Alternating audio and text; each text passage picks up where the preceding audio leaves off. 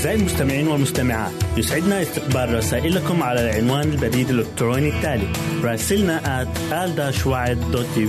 مرة أخرى بالحروف المتقطعة R A S I L N A at A L شرطة W A A D تي في منتظرين رسائلكم.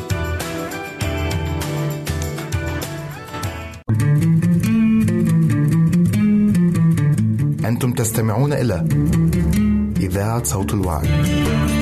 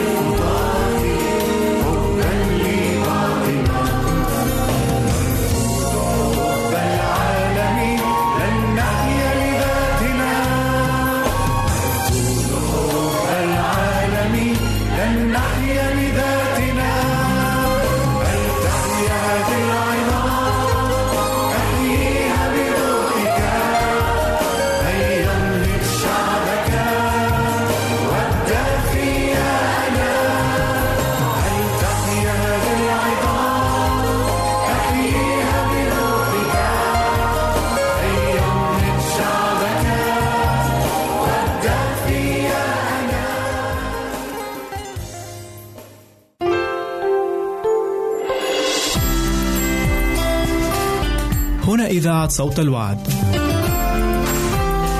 لكي يكون الوعد من نصيبك. يمكنك استماع وتحميل برامجنا من موقعنا على الإنترنت www.awr.org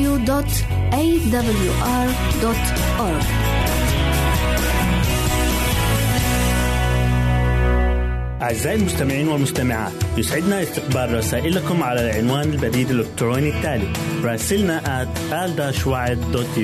مرة أخرى بالحروف المتقطعة R A S I L N A at A L شرطة W A A D في منتظرين رسائلكم.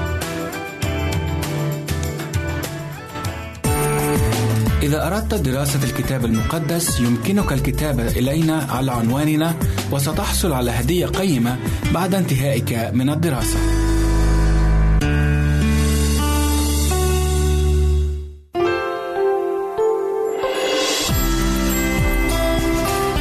هنا إذاعة صوت الوعد. لكي يكون الوعد من نصيبك. أعزائنا المستمعين تحية طيبة وحارة نهديها لكم ونحن نلتقي في حلقة جديدة من البرنامج الكتابي مقابلة مع الكتاب المقدس. في الحلقات القادمة من هذا البرنامج سنتحدث عن حياة المسيح وصباه وتعاليمه وصولا إلى آلام المسيح وصلبه. نتمنى لكم كل البركة وأنتم ترافقوننا في هذه الحلقات. قبل أن نبدأ مع ولادة المسيح وصباه أطلب إليكم ممن يملك كتابا مقدسا إحضاره لنتابع معا قراءة الآيات التي سترد في حلقة اليوم. ولكي يتسنى لكم المجال لإحضار الكتاب المقدس سنترككم مع بعض الموسيقى الجميلة.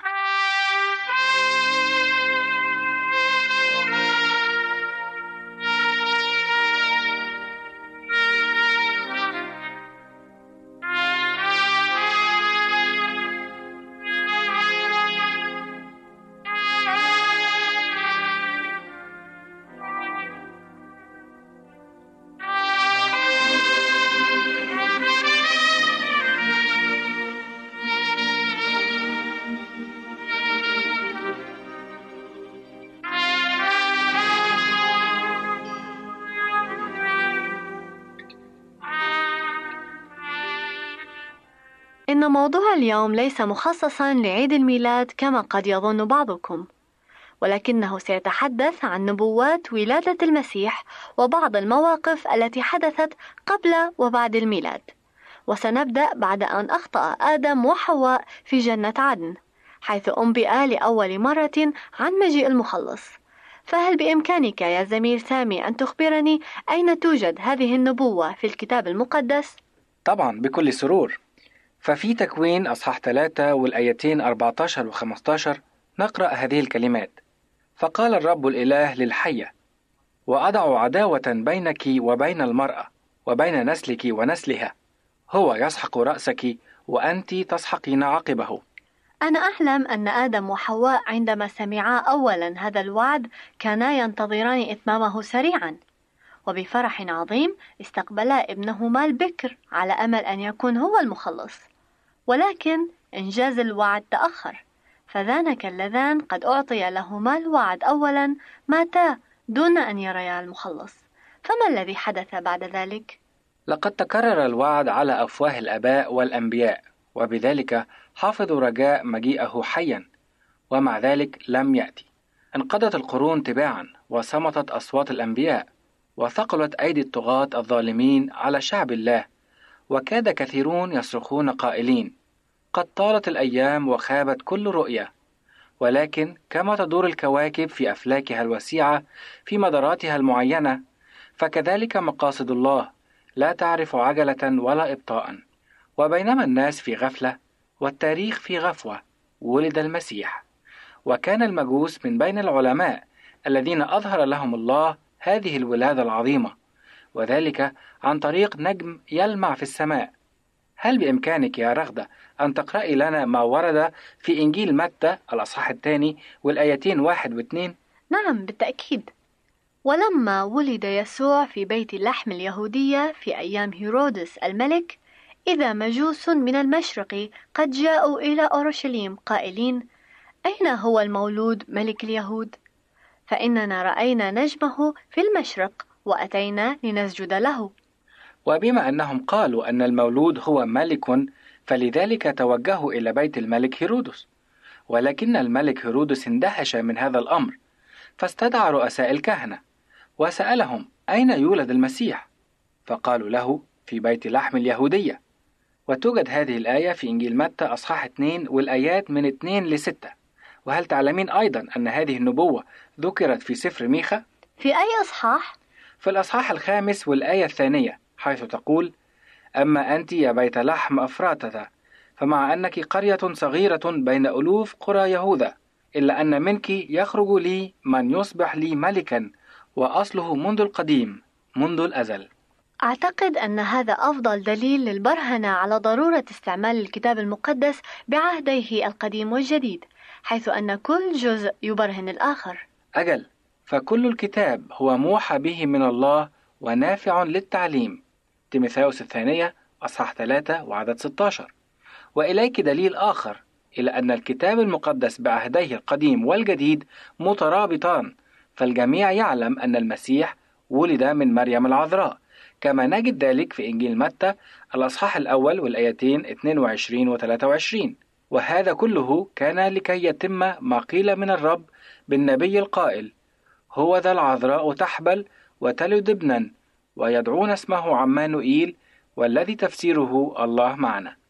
فالنبي الذي تنبأ بهذه النبوة هو إشعياء حيث نجد نفس هذه الكلمات في إشعياء أصحاح 7 وآية 14 عرفنا مما سبق أن النجم هو ما قاد المجوس من المشرق إلى بيت لحم. إلى حيث ولد المسيح ولكن ماذا عن الرعاة في تلك المنطقة؟ وكيف علموا بخبر ولادة المسيح؟ في الحقول التي كان داود من قديم يرعى فيها قطيعه كان رعاة يحرسون حراسات الليل على رعيتهم وفي ساعات الليل الساكنة كانوا يتحدثون معا عن المخلص الموعود به ويصلون طالبين مجيء الملك إلى عرش داود نقرأ في إنجيل لوقا أصحاح 2 والآيات من 9 إلى 11 ما حدث بعد ذلك. وإذا ملاك الرب وقف بهم ومجد الرب أضاء حولهم فخافوا خوفا عظيما. فقال لهم الملاك لا تخافوا فها أنا أبشركم بفرح عظيم يكون لجميع الشعب. إنه ولد لكم اليوم في مدينة داوود مخلص هو المسيح الرب.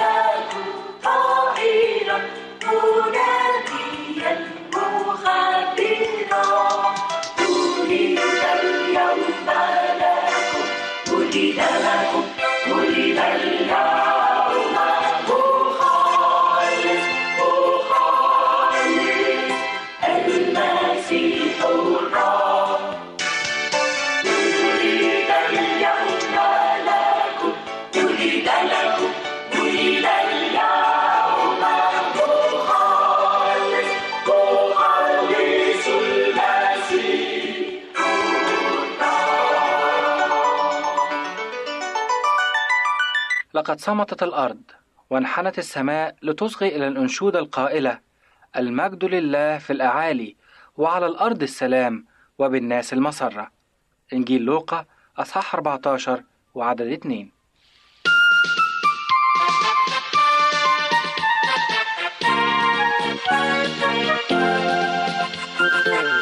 ليس أملاك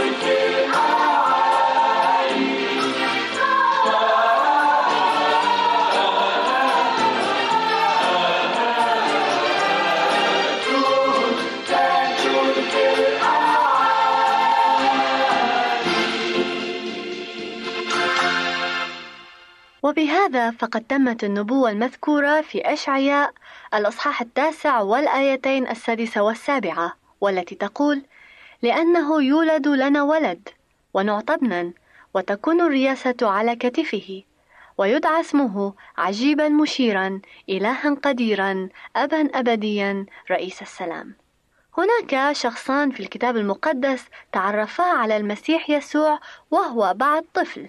وهما سمعان الشيخ البار وحنا النبية فكيف توصلا إلى هذه المعرفة؟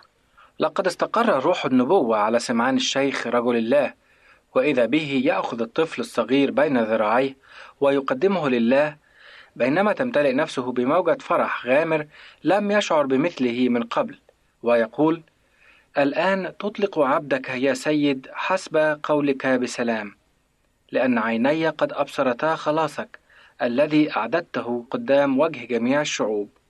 إنجيل لوقا أصحاح 2 والأعداد 29 إلى 31 وماذا عن حنا النبية؟ هذه النبية أتت وآمنت على شهادة سمعان من جهة المسيح. فإذا كان سمعان يتكلم أشرق وجهها بمجد الله فسكبت شكر قلبها لله ووقفت تسبح الرب لأنه قد سمح لها بأن ترى مسيح الرب. كما جاء في لوقا أصحاح 2 وعدد 38 هذان العابدان المتواضعان لم يدرسا النبوات عبثا ولكن مع أن أقوال الأنبياء الثمينة كانت أيضا بين أيدي أولئك الذين شغلوا مناصب رؤساء وكهنة في إسرائيل فإنهم لم يكونوا سائرين في طريق الرب ولذلك لم تفتح عيونهم لرؤية نور الحياة. أمل أعزائي أن ندرس الكتاب المقدس بتركيز لكي نفهم معنى الكلمات المذكورة فيه ونعمل بها وهذا لن يتم بدون أن نصلي طالبين إرشاد الروح القدس. دعونا نسلم حياتنا لله كي نكون أدوات فعالة في يده ونعمل على نشر كلمته وبالتالي خلاص النفوس. رافقكم في حلقة اليوم من برنامج مقابلة مع الكتاب المقدس رغدة سليم وسامي سعيد حتى اللقاء القادم نترككم في أمان الله وحفظه إلى اللقاء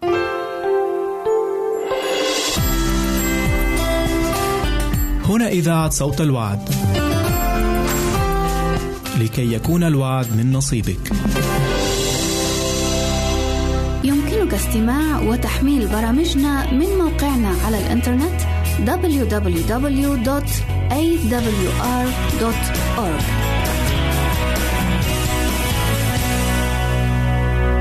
أعزائي المستمعين والمستمعات يسعدنا استقبال رسائلكم على العنوان البريد الإلكتروني التالي راسلنا at مرة أخرى بالحروف المتقطعة r a s i l n a at a l شرطة w a a d دوت تي في منتظرين رسائلكم إذا أردت دراسة الكتاب المقدس يمكنك الكتابة إلينا على عنواننا وستحصل على هدية قيمة بعد انتهائك من الدراسة.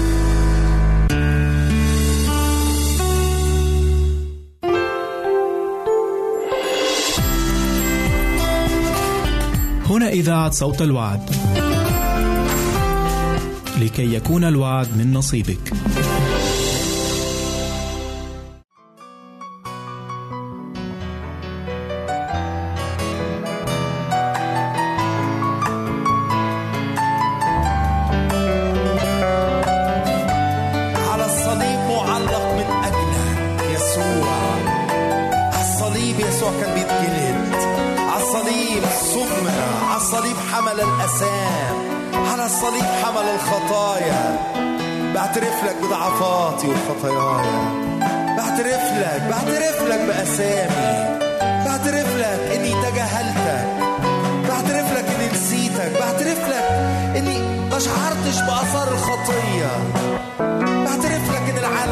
خدني بعترف لك ان ابليس خدعني لكن النهارده جاي في حبك ليا أشوف صليبك أشوف حبك أشوف دماءك اغسلني يا رب من كل خطية. قولي معايا قول. اغسلني من كل خطية.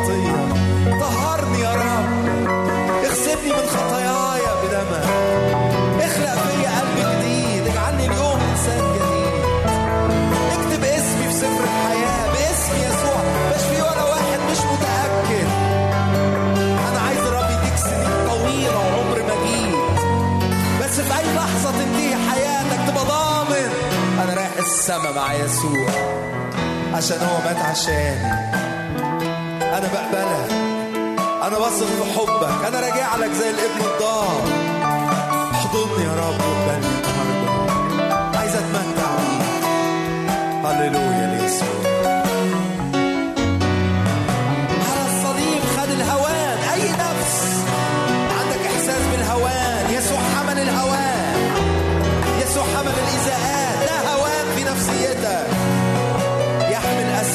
with her hand.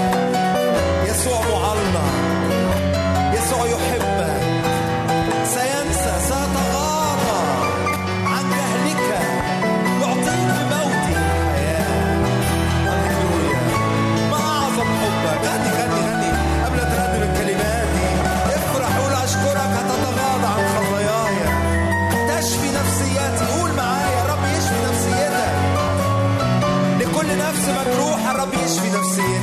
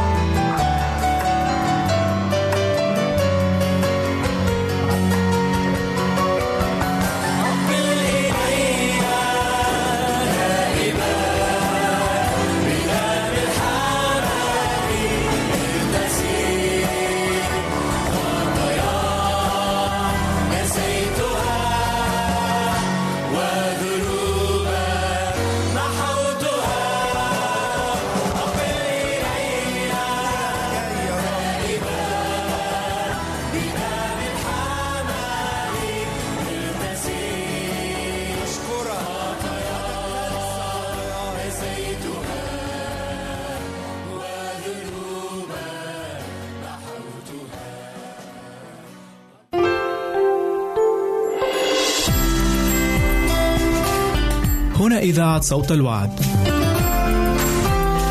لكي يكون الوعد من نصيبك. يمكنك استماع وتحميل برامجنا من موقعنا على الإنترنت www.awr.org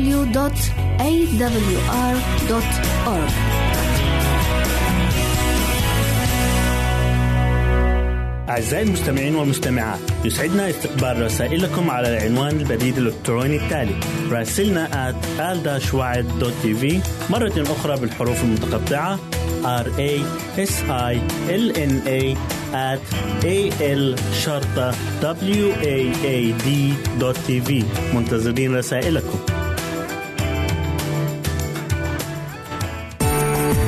إذا أردت دراسة الكتاب المقدس يمكنك الكتابة إلينا على عنواننا وستحصل على هدية قيمة بعد انتهائك من الدراسة.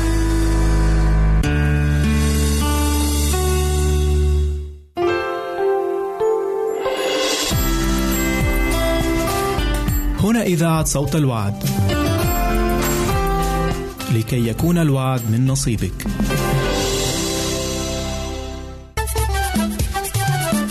الحياة الأسرية.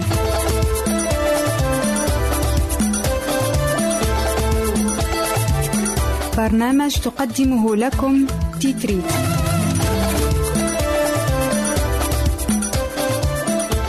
مستمعينا الأفاضل مستمعاتنا الفاضلات مرحبا بكم معنا في حلقة جديدة من حلقات برنامجكم العائلي الحياة الأسرية. في حلقتنا لليوم سنتكلم عن الاتصال النظري واستعماله مع الأطفال.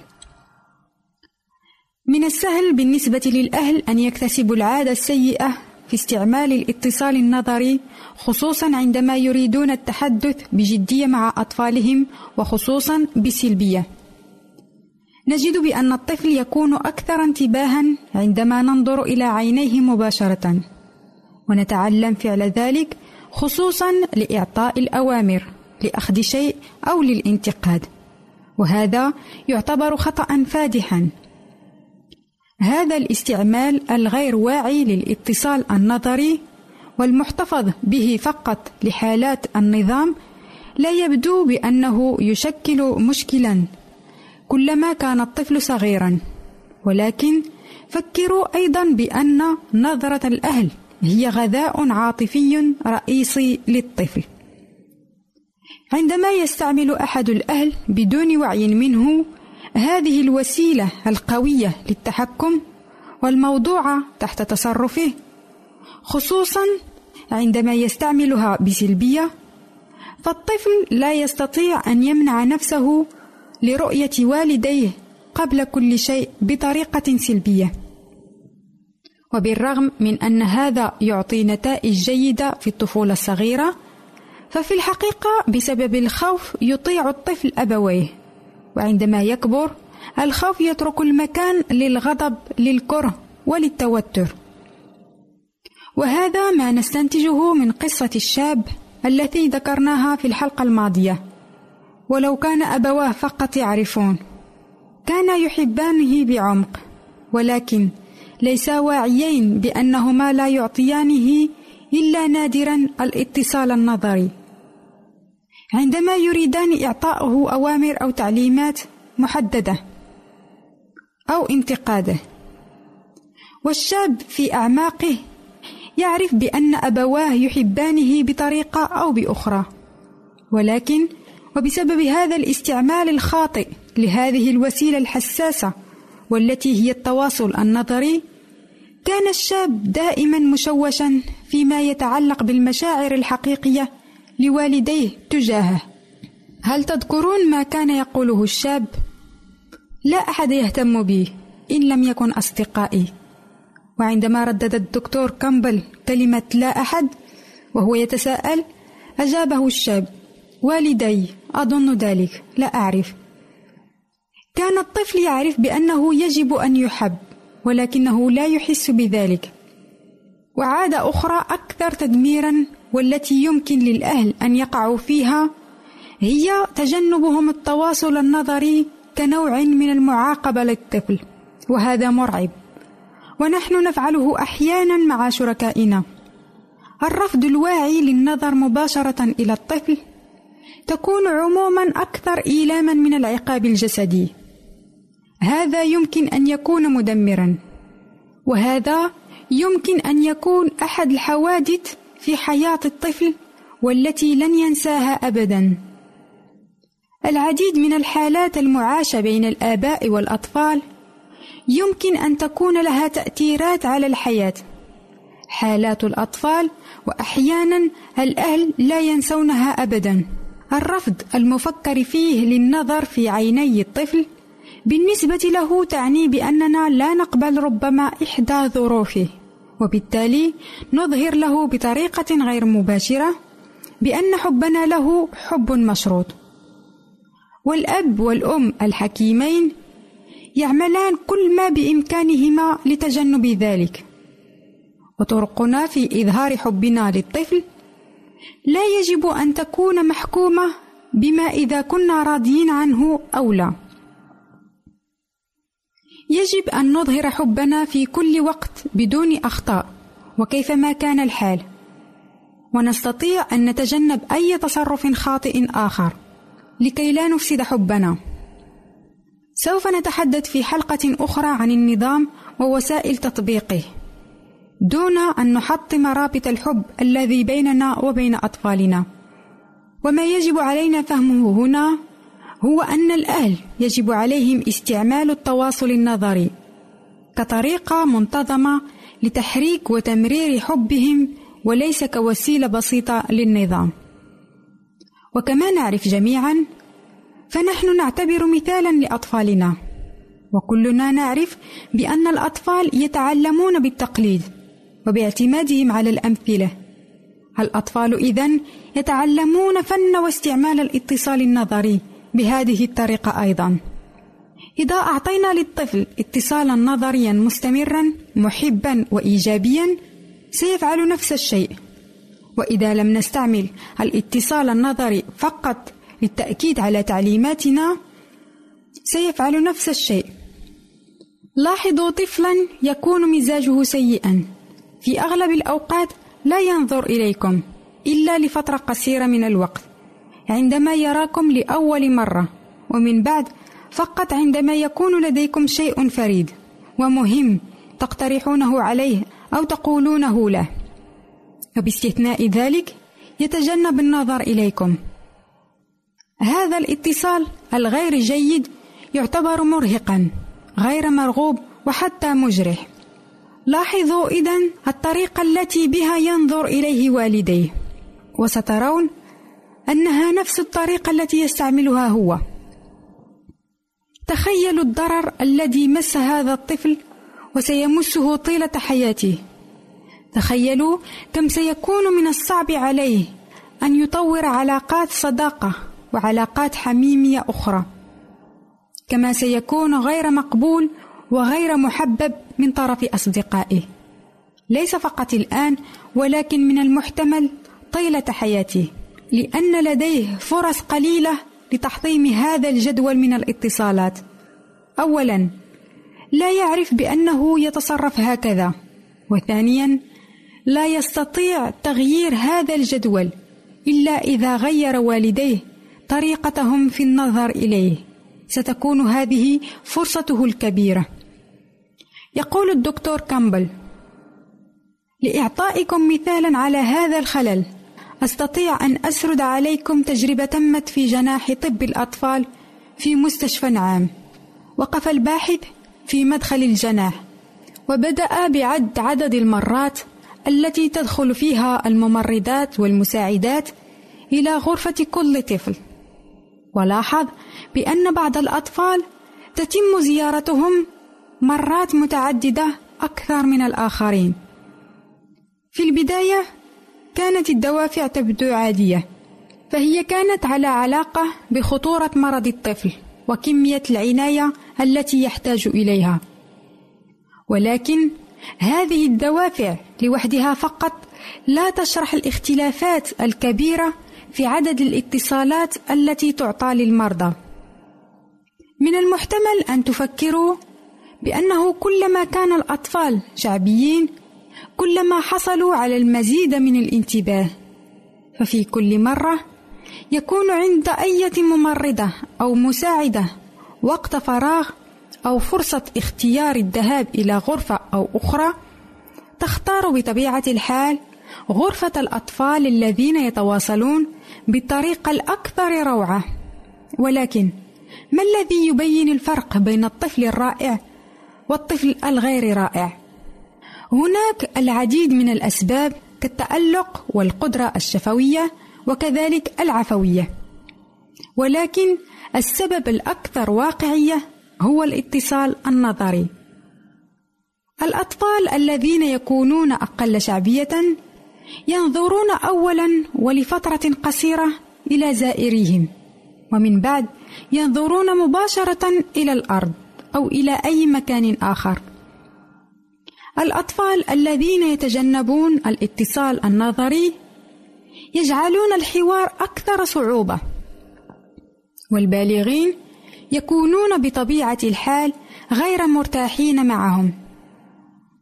فالممرضات والمتطوعات وبعدم فهمهن مسؤولياتهن في تعليمهم الحوار ويظن بأن هؤلاء الأطفال يريدون أن يبقوا لوحدهم أو أنهم لا يحبونهن.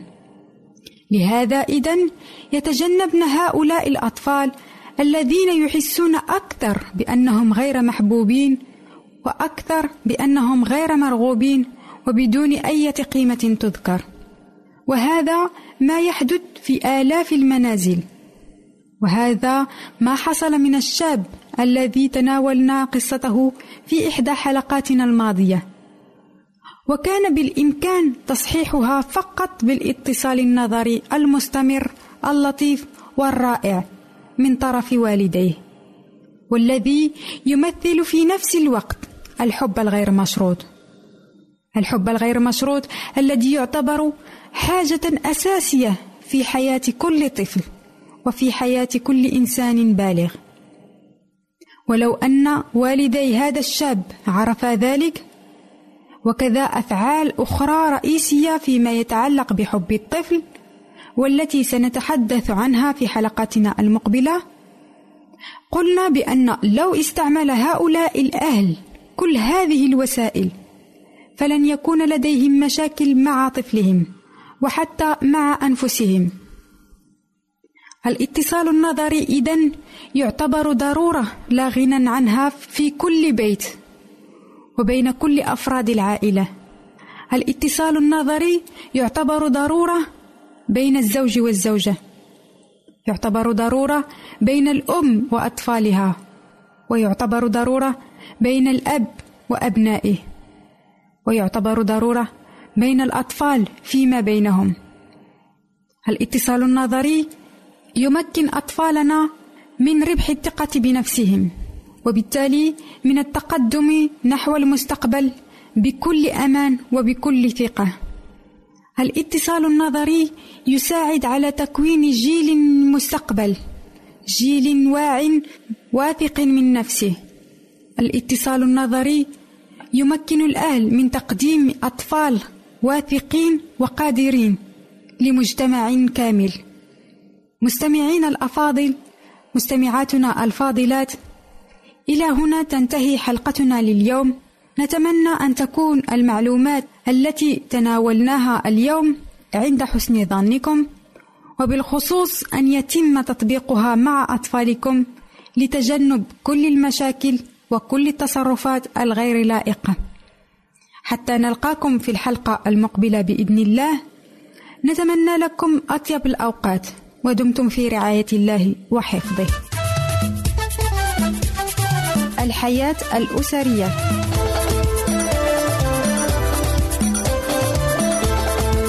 برنامج قدم لكم من طرف تيتريت.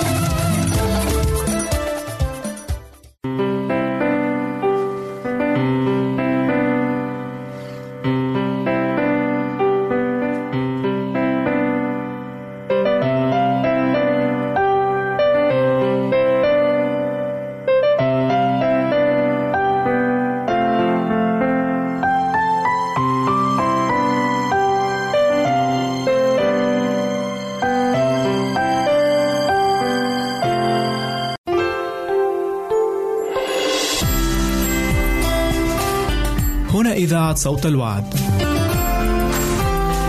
لكي يكون الوعد من نصيبك.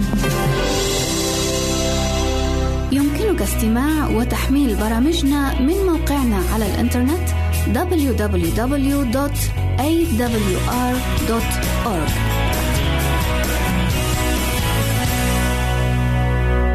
أعزائي المستمعين والمستمعات يسعدنا استقبال رسائلكم على العنوان البريد الإلكتروني التالي راسلنا at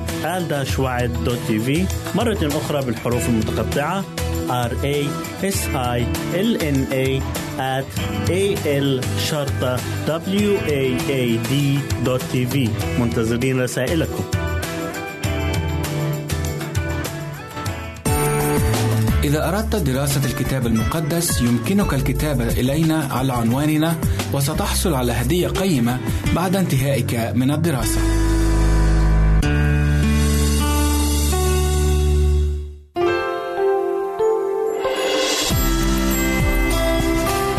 هنا إذاعة صوت الوعد.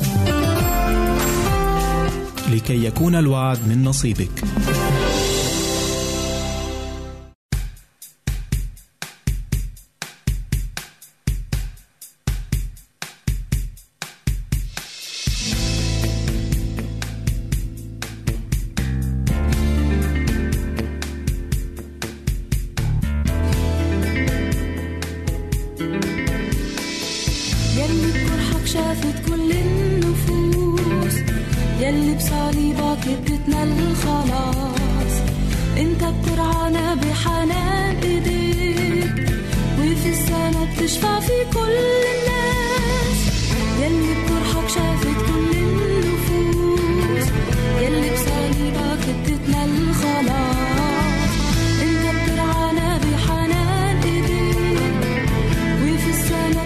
في كل الناس. فتح عينينا عشان نشوف بالإيمان البركات اللي شعبت من زمان نفرح ونحط حياتنا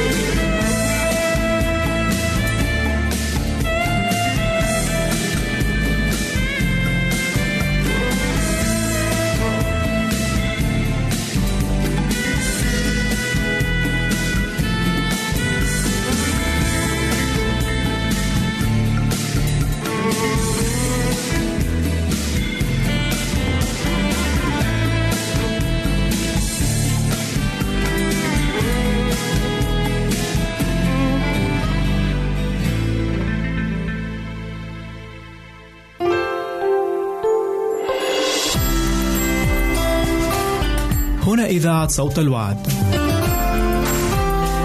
لكي يكون الوعد من نصيبك.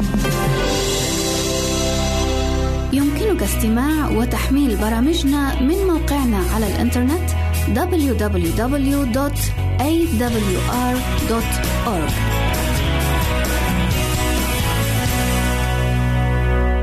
أعزائي المستمعين والمستمعات يسعدنا استقبال رسائلكم على العنوان البريد الإلكتروني التالي راسلنا at al مرة أخرى بالحروف المتقطعة r a s i l n a at a l شرطة w a a d منتظرين رسائلكم.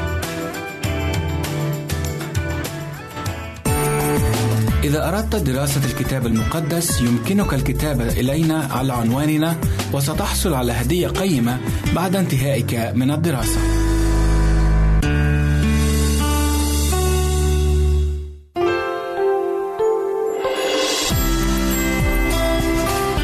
هنا إذاعة صوت الوعد. لكي يكون الوعد من نصيبك.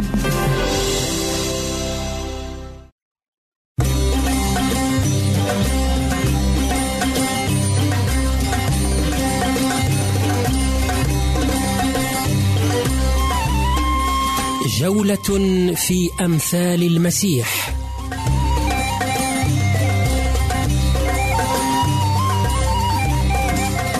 برنامج من إعداد وتقديم الدكتور طه أبو مروان.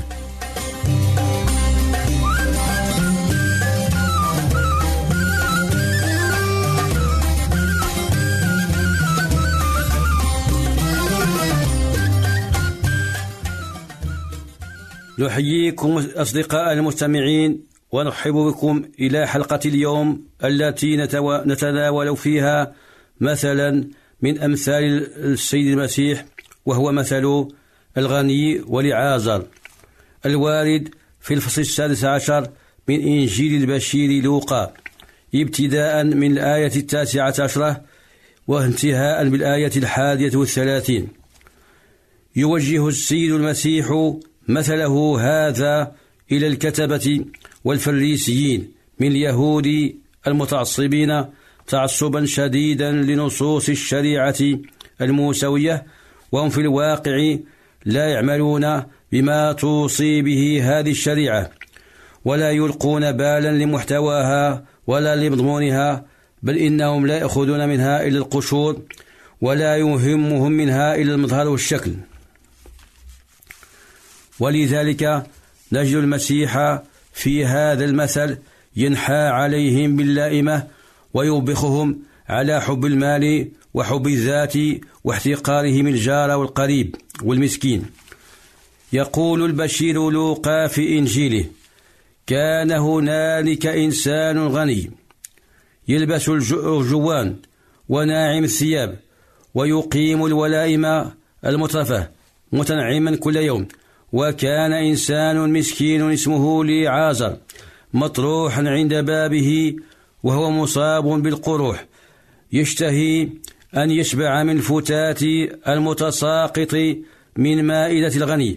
حتى الكلاب كانت تأتي وتلحس قروح قروحه ومات المسكين وحملته الملائكة إلى حضن إبراهيم. ثم مات الغني ودفن. وإذ رفع عينيه وهو في الهاوية يتعذب رأى إبراهيم من بعيد ولعازر في حضنه فنادى قائلا يا أبي إبراهيم ارحمني وأرسل لعازر ليغمس طرف أصبعه في الماء ويرد لسانه فإني معذب في هذا اللهيب ولكن إبراهيم قال يا بني تذكر أنك نلت خيراتك كاملة في أثناء حياتك ولعازر نال البلايا ولكنه الآن يتعزى هنا وأنت هناك تتعذب. وفضلا عن هذا كله فإن بيننا وبينكم هوة سحيقة عظيمة قد أثبتت حتى إن الذين يريدون العبور من هنا لا يقدرون وللذين من هناك يستطيعون العبور إلينا. فقال التمس منك. إذا يا أبي أن توصله إلى بيت أبي. فإن عندي خمسة إخوة حتى يشهد لهم منذرا لئلا يأتوهم أيضا إلى مكان العذاب. هذا ولكن إبراهيم قال له عندهم موسى والأنبياء فليسمعوا لهم. فقال له لا يا أبي إبراهيم بل إذن أذهب إليهم من بين الأموات يتوبون. فقال له إن كانوا لا يسمعون لموسى والأنبياء فلا يقتنعون حتى لو قام واحد من بين الأموات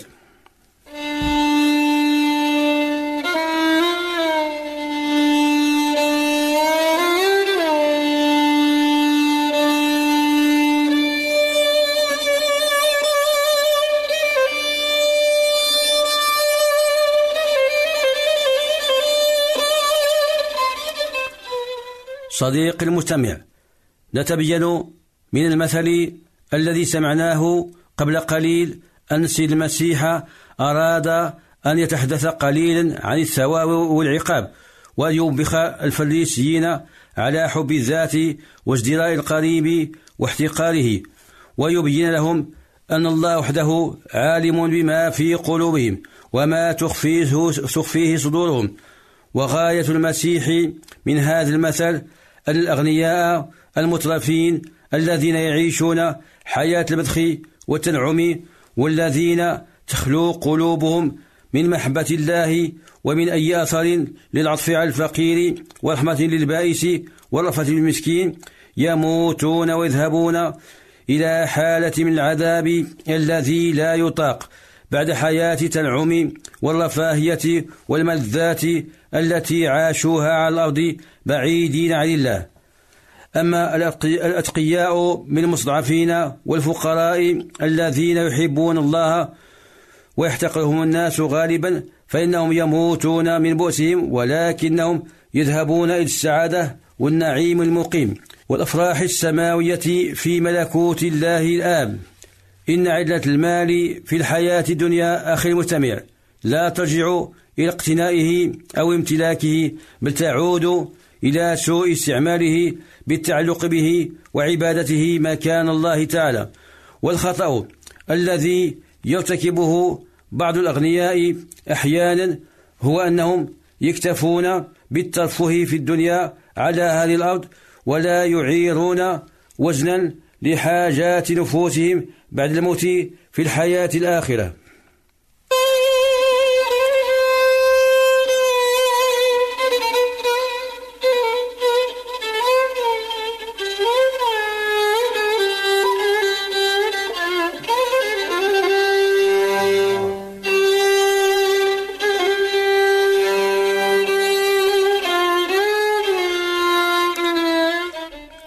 خطأ.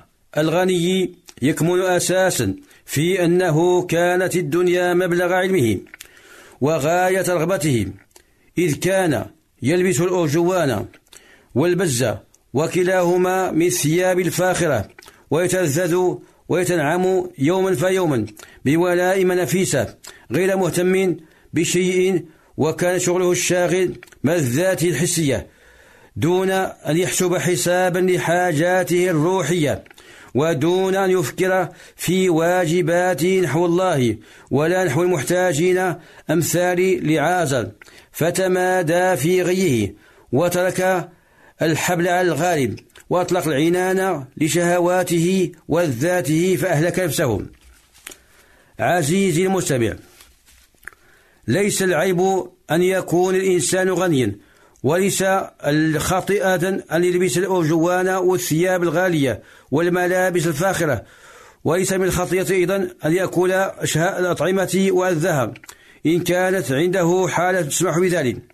وإنما الخطيئة هي أن تدفع الثروة والملذات العالمية صاحبها إلى البذخ والانغماس في الشهوات الجسدية وينسى الله والقريب المحتاج. إن الله جل شأنه يعرفنا أفكاره ومراميه فهو لم يحكم على الغني بالهلاك لغناه وماله وثروته وجاهه ولم يخلص لعازر بسبب فقره وضعف حاله ولا ببلاياه بل لأن لعازر كان ابنا لله في حين أن الغني لم يكن كذلك.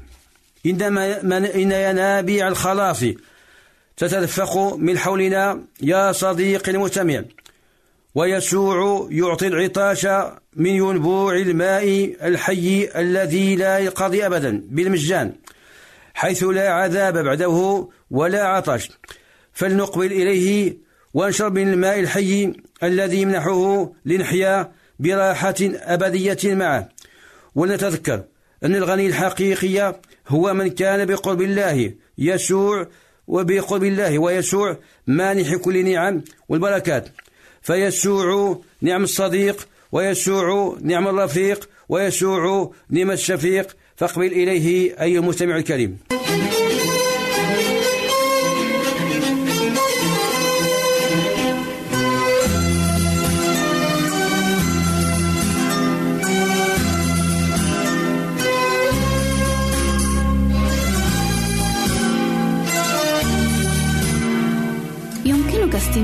وتحميل برامجنا من موقعنا على الإنترنت www.awr.org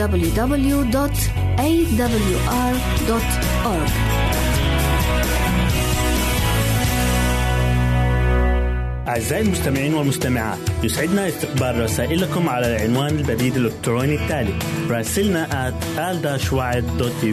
مرة أخرى بالحروف المتقطعة r a s i l n a at a l شرطة w a a d منتظرين رسائلكم. إذا أردت دراسة الكتاب المقدس يمكنك الكتابة إلينا على عنواننا وستحصل على هدية قيمة بعد انتهائك من الدراسة.